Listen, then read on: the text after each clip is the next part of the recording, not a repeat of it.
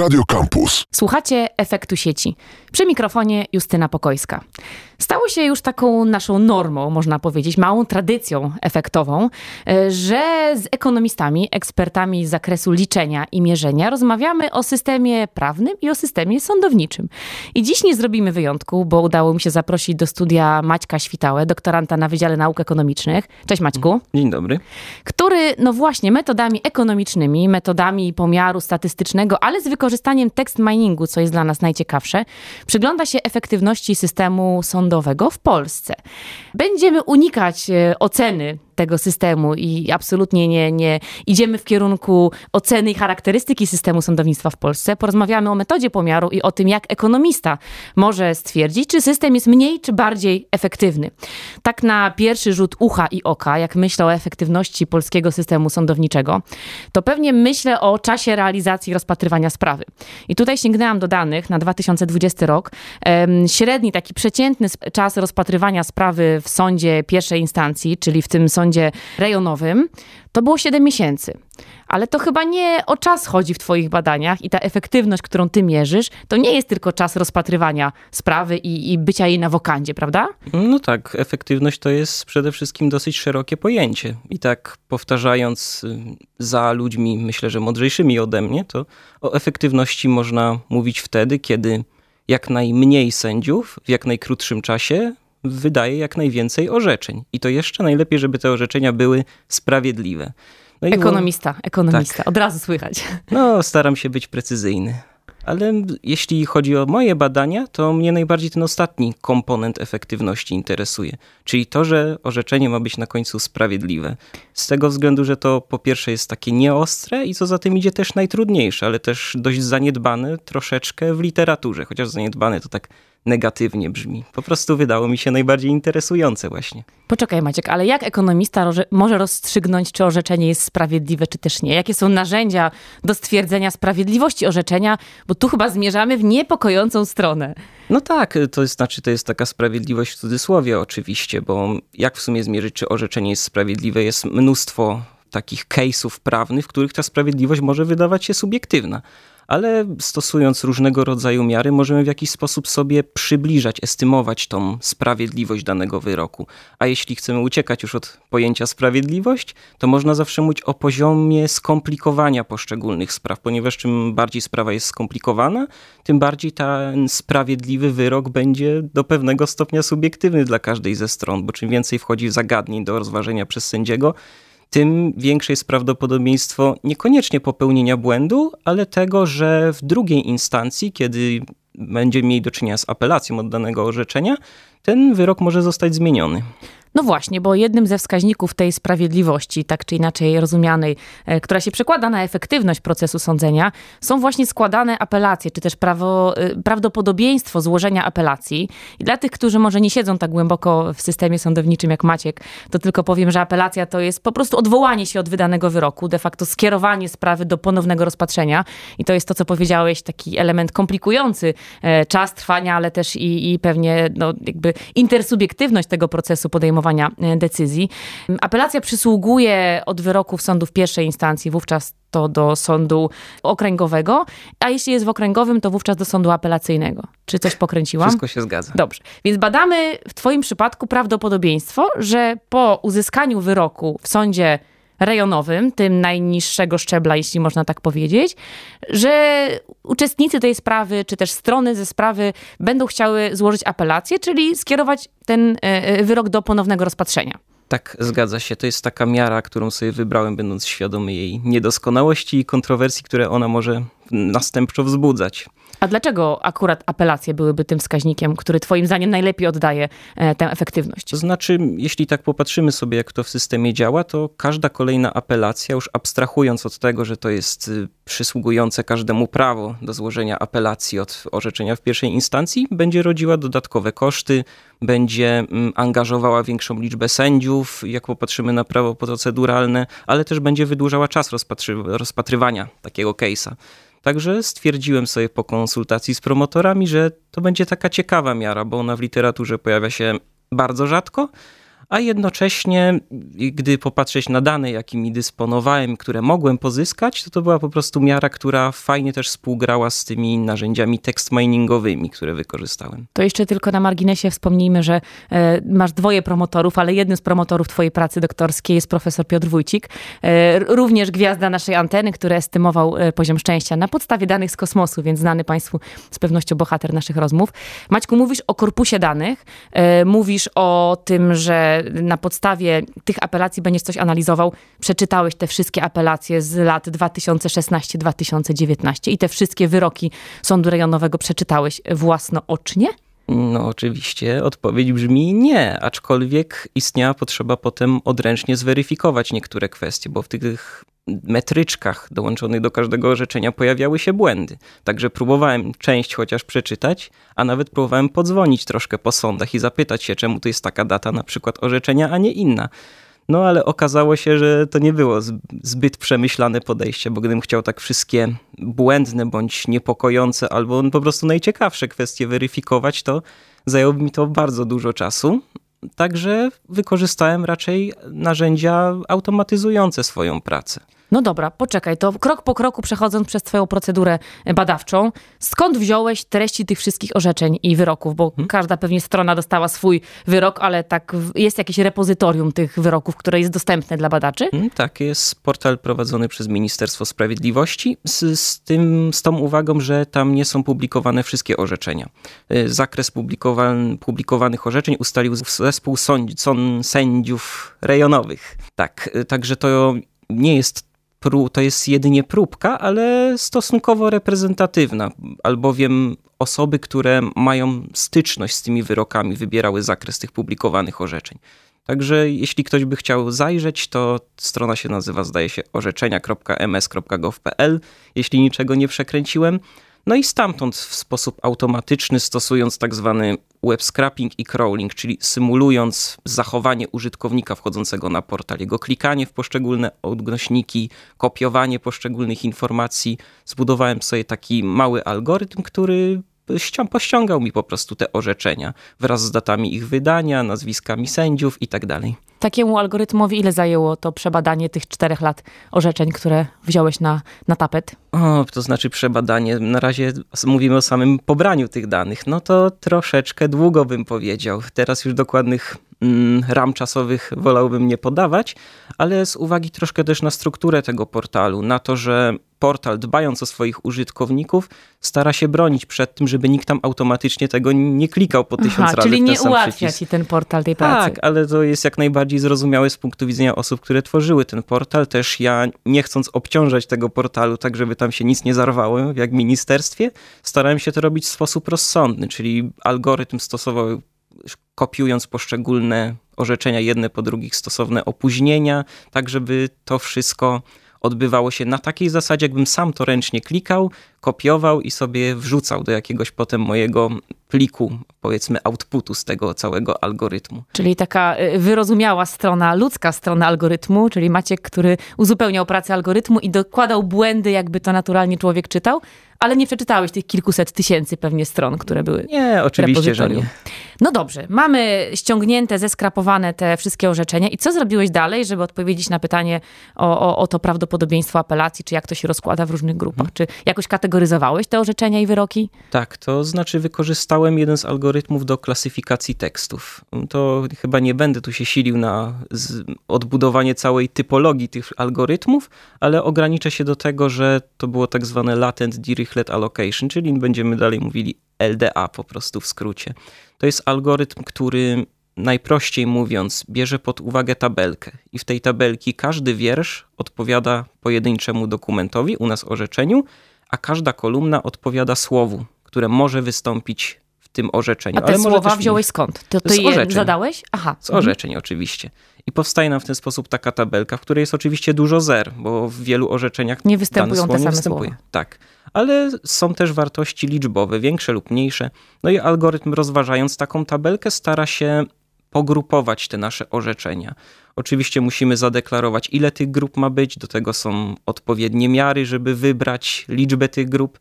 No ale finalnie, nie wchodząc już w taką matematykę, to algorytm, rozważając taką tabelkę, grupuje nam te dokumenty. Udało się uzyskać 24 takie grupy tematyczne z orzeczeń sądów rejonowych. Poczekaj, grupy tematyczne z orzeczeń to znaczy, że to były sprawy, które dotyczyły podobnych zagadnień w życiu. Jakbyśmy mogli jakieś przykłady tutaj podać, mhm. bo dość abstrakcyjny jest e, e, wątek e, pewnie sądownictwa dla wielu naszych słuchaczy i, i być może nie jesteśmy jeszcze biegli, czego sobie życzymy z całego serca w tych tematach mhm. rozpraw i spraw rozpatrywanych, ale jakie to są tematy? Czy to są zagadnienia, problemy z cyklu kupno samochodu, prawo spadkowe, czy jakieś szczególne sprawy brałeś na wokandę, chciałoby się powiedzieć? To znaczy, to jest związane trochę z tym, jak algorytm działa, bo on działa na powiedzmy słowach kluczowych. Każdy z tych tematów, grup tematycznych to jest potem zestaw słów kluczowych.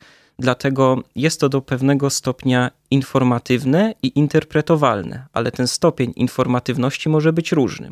Możemy uzyskać temat dotyczący prowadzenia pojazdów pod wpływem alkoholu, mhm. bo pojawią się słowa kluczowe jak wyczuwalny, alkometr, litra, alkomat zmotoryzować. To jest przykład takiego tematu, powiedzmy jednak dość wąskiego, bo to jest konkret. Że Ale przynajmniej możemy alkohol. go sobie wyobrazić w takiej przestrzeni życiowej. Tak, zgadza się. Możemy mieć też temat dotyczący alimentów i tam się pojawią takie słowa kluczowe jak liceum, technikum, matematyka, ferie, korepetycje, kieszonkowe i tak dalej. No, ale będą zdarzały się też poniekąd takie abstrakcyjne tematy, że będzie potrzeba nam troszeczkę taka jednak wiedza prawnicza. Może się zdarzyć, że będziemy mieli słowa kluczowe jak smutek, y, odwiedzać grup, eksperyment i tak dalej. Zdarzają się takie tematy, gdzie ta interpretowalność i informatywność będzie odpowiednio mniejsza, i wtedy trzeba spróbować być może jakoś ten temat dalej rozdzielić, sprawdzić udziały wydziałów poszczególnych sądów, z których te orzeczenia do danego tematu zostały przyporządkowane. Także jest to automat, ale jednak on wymaga potem jeszcze takiej często eksperckiej weryfikacji tych wyników, bo możemy sobie skonstruować jakieś statystyczne miary, które nam powiedzą, że ten temat to jest na przykład świetny, ma takie i takie słowa, że one zawsze się ze sobą pokrywają, zawsze są w tych samych orzeczeniach te same słowa. No ale mogą się zdarzyć nam takie, nawet bym powiedział kolokwialnie, głupotki, że model mylnie, nie znając do końca kontekstu, zgrupuje nam na przykład dwa problemy prawne w jednym temacie. I taki temat oczywiście potem utrudnia nam w jakiś sposób interpretowanie tego wszystkiego. Wśród, Przykłady? No, wśród tych 24 tematów zdarzyło się, że model zgrupował zagadnienie prokury, jak również kwestie, powiedziałbym, kryminologiczne. W jednym wątku. Tak, co jest w sposób oczywisty głupotą i świadczy o niedoskonałości Oczywisty, takiego modelu. nieoczywisty dla kogoś, kto w tym siedzi z pewnością. Jest to oczywiste dla, dla słuchaczy może niekoniecznie, ale rozumiem, że takie błędy weryfikujesz ty jako badacz i starasz się wtedy jakby uzupełnić tę specyfikację, czy też podzielić te tematy na wątki rzeczywiście pasujące, tak? Tak, tak. Może się wydarzyć po prostu, że pewne słowo, które występuje bardzo często, wpływa na sklejenie takich dwóch zagadnień w jeden temat. To może być przykładowo słowo wyrok. Ono się pojawi dosłownie w, w każdym drugim orzeczeniu. zdaniu pewnie orzeczenie, Zgadza tak. się. Maciek, wyniki. Wyniki. Wyniki. Okay. Co, mm. co, co ci wyszło z tej całej historii, z tego podziału e, orzeczeń, setek tysięcy stron orzeczeń na 24 tematy i dalsze uzupełnienia? Jakie sprawy mają większe prawdopodobieństwo, że będzie złożona apelacja? Czy w których sądach takie sprawy są? Czy w którym momencie roku takie sprawy są składane? Mhm. Czy są tu jakieś prawidłowości, które udało ci się mhm. zaobserwować? Tak, y, pierwszą taką prawidłowością wydaje mi się, że intuicyjną, bo i poniekąd życiową jest to, że sprawy powiedzmy cywilne będą miały niższe to prawdopodobieństwo apelacji niż sprawo, y, sprawy karne. No to mhm. wynika najpewniej z tego, że nikt nie chce iść do więzienia. Jeśli już znajdzie się w takiej nieprzyjemnej sytuacji, to będzie składał tą apelację. Nawet nie po to, żeby nie iść do więzienia, ale po to, żeby skrócono mu czas odbywania kary. Sprawy karne to te właśnie związane z sankcją więzienia tak. na koniec. No, w, I tam jesteśmy tak. bardziej prawdopodobnie niezadowoleni z wyroku, jeżeli on jest na naszą niekorzyść i wówczas prawdopodobieństwo apelacji, jeśli dobrze rozumiem, jest wyższe w sprawach karnych. Tak, zgadza się. Mhm. Taką prawidłowość udało się zaobserwować. Mm, druga prawidłowość to jest taka, że istnieją pewne tematy z pogranicza gałęzi prawa. Jako gałęzie prawa mam tu na myśli historycznie ustalone zbiory norm prawnych, czyli prawo cywilne, prawo karne, gospodarcze, rodzinne itd. Tak I zdarzają się tematy, które sytuują się gdzieś na pograniczu. Takim sztandarowym przykładem mm, będzie upraszczając niepoczytalność, bo ta niepoczytalność będzie nam wpływała na winę, zarówno w prawie cywilnym, jak i karnym. I to zagadnienie, ten temat miał bardzo wysokie prawdopodobieństwo apelacji. Czyli to... tam była niepewność co do tak zwanej sprawiedliwości wyroku. Tak. Tej sprawiedliwości rozumianej jako oczynnikowane przez ciebie ekonomiczne miary tego, że wyrok był wydany bez dodatkowych komplikacji, o tak, tak powiem. zgadza się. No i powstaje trochę pytanie, co z tym można zrobić. Być może większa liczba biegłych, chociaż słyszy się, że z tymi biegłymi to jest z reguły w sądach problem. Być może jakieś wyspecjalizowane wydziały, które zajmowałyby się tylko tymi zagadnieniami być może jakieś zmiany proceduralne, mm, bo to, to trochę też myślę wymaga to wyjaśnienia, co to są jeszcze tak te tematy z pogranicza, bo są takie sztandarowe przykłady, które nie wyszły do końca w tym modelu, ale one gdzieś są tam zaszyte, są pod spodem tego wszystkiego. Jest tak zwana ustawa o bestiach, która dotyczy bardzo poważnych przestępstw, mm, często na tle seksualnym, tak mi się wydaje w tym momencie. Mhm. I y, sprawy odpowiedzialność na gruncie tej ustawy jest egzekwowana w procedurze cywilnej, a nie karnej, co mnie osobiście, jak się dowiedziałem, bardzo zaskoczyło. I podejrzewam, że te orzeczenia właśnie też dotyczą tego tematu niepoczytalności, gdzie pojawiają się słowa smutek i tak dalej. Mm, można oczywiście mnożyć te przykłady tych tematów z pogranicza gałęzi prawa. Y, to wiąże się w dużej mierze z tym, że ochrona jest często kumulatywna, że jeśli ktoś zniszczy nasz samochód, weźmie kij i rozwali go w drobny mak, to możemy dochodzić swoich praw z tytułu czynu niedozwolonego poprzez prawo cywilne, jak również oczywiście poprzez prawo karne, bo ktoś popełnia przestępstwo niszcząc nasze mienie. Czyli im bardziej skomplikowana sprawa, tym większa szansa i prawdopodobieństwo, że wyrok nas nie usatysfakcjonuje. Tak. A czy były jakieś prawidłowości e, e regionalne albo w kalendarzu roku składania e, spraw? Hmm. Czy tam jest jakaś e, zależność na przykład, wie, że sprawy na koniec roku są bardziej podważane, a hmm. te z początku jeszcze mamy świeży umysł, to jeszcze nie? To znaczy na tę chwilę to bym bezpiecznie odpowiedział, że to wymaga kolejnych badań, ale myślę, że można zdradzić mniej więcej tyle, że tematy występują w, w różnej ilości poszczególnych kwartałach, latach, co jest do pewnego stopnia oczywiste, tylko pozostaje rozważyć, czy te zmiany są rzeczywiście istotne. Problem z tym będzie taki, że budując taki model, mamy powiedzmy z czterech lat słowa kluczowe dla danych orzeczeń. A warto, dlaczego by nie zbudować czterech modeli dla każdego roku osobno i zobaczyć, jak taki temat ewoluuje. Być może w 2016 niepoczytalność będzie się wiązała z zupełnie innymi słowami kluczowymi niż na przykład w 2019.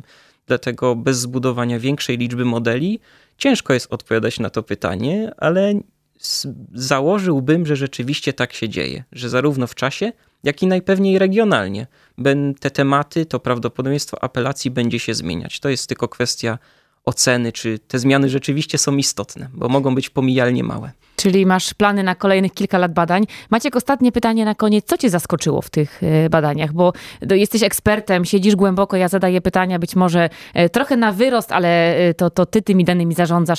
Czy jest coś, co w tych danych i wnioskach, które do tej pory udało ci się wyciągnąć, a podkreślmy, że to jest początek twojej kariery z tymi badaniami, bo w przewodzie doktorskim będziesz kontynuował ten projekt, to coś cię zaskoczyło? Czy coś było kontrintuicyjne albo takie, czego się nie spodziewałeś? To znaczy, pomijając takie techniczne kwestie, które tam zawsze dla mnie są ciekawe, mm, to pojawił się taki temat, który rzeczywiście znajdował się na pograniczu gałęzi prawa, ale miał dość małe prawdopodobieństwo apelacji. I to był temat dotyczący, mówiąc bardzo ogólnie, wykonywania już kary mm, pozbawienia wolności, czyli tego, że sędziowie w, w, w, dochodzą być może odszkodowań za niesłuszne skazanie, które zdarzyło się w przeszłości, albo będąc osadzonymi w więzieniu, są świadomi swoich praw i wnioskują o różne rzeczy. I taki temat rzeczywiście się pojawił i miało niższy odsetek apelacji niż orzeczenia wydziałów karnych sądów rejonowych. Najpewniej dlatego, że jeśli już ktoś siedzi w więzieniu, to jest mniej skory do tego, żeby wnioskować o jakieś kwestie związane już z warunkami jego osadzenia, w porównaniu do sytuacji, w których waży się to, czy on w ogóle trafi pójdzie, do tego. czy nie pójdzie. Tak, albo na ile pójdzie, na ile nie pójdzie. Czyli są jeszcze y, rzeczy, które cię mogą zaskoczyć, choć brzmisz jakbyś te dane znał na pamięć i, y, i przeczytał je no, na pewno setki tysięcy razy, jak te strony y, w repozytorium danych. Maćku, to trzymamy kciuki za, za dalszy rozwój twoich badań, za kolejne wnioski i mam nadzieję, że przyjmiesz zaproszenie za kilka miesięcy, żeby opowiedzieć o tym, co dalej udało się wyciągnąć z tych arcyciekawych danych. Tak to jest, jak się rozmawia z ekonomistą o systemie sądownictwa, pyta socjolog, więc właściwie tutaj tylko nam prawnika zabrakło, ale Maciek przy twojej wiedzy to myślę, że profesor Słok-Wódkowska, która mam nadzieję nas słucha, y, być może wyprostuje następnym razem wszystkie nieścisłości. E, dziękuję ci bardzo za to spotkanie. To bardzo ciekawe zastosowanie tekst miningu, bo wiemy, że używa się go do, do wielu y, interesujących badań, szczególnie w ekonomii, naukach społecznych, ale takie sięgające do danych y, publicznych to, to są najciekawsze projekty moim zdaniem. Maciek Świtała, Wydział Nauk Ekonomicznych, doktorant. Dziękuję serdecznie. Dziękuję bardzo. A my słyszymy się jak zwykle w kolejnym odcinku Efektu Sieci. Justyna Pokojska, zapraszam. Radio Campus.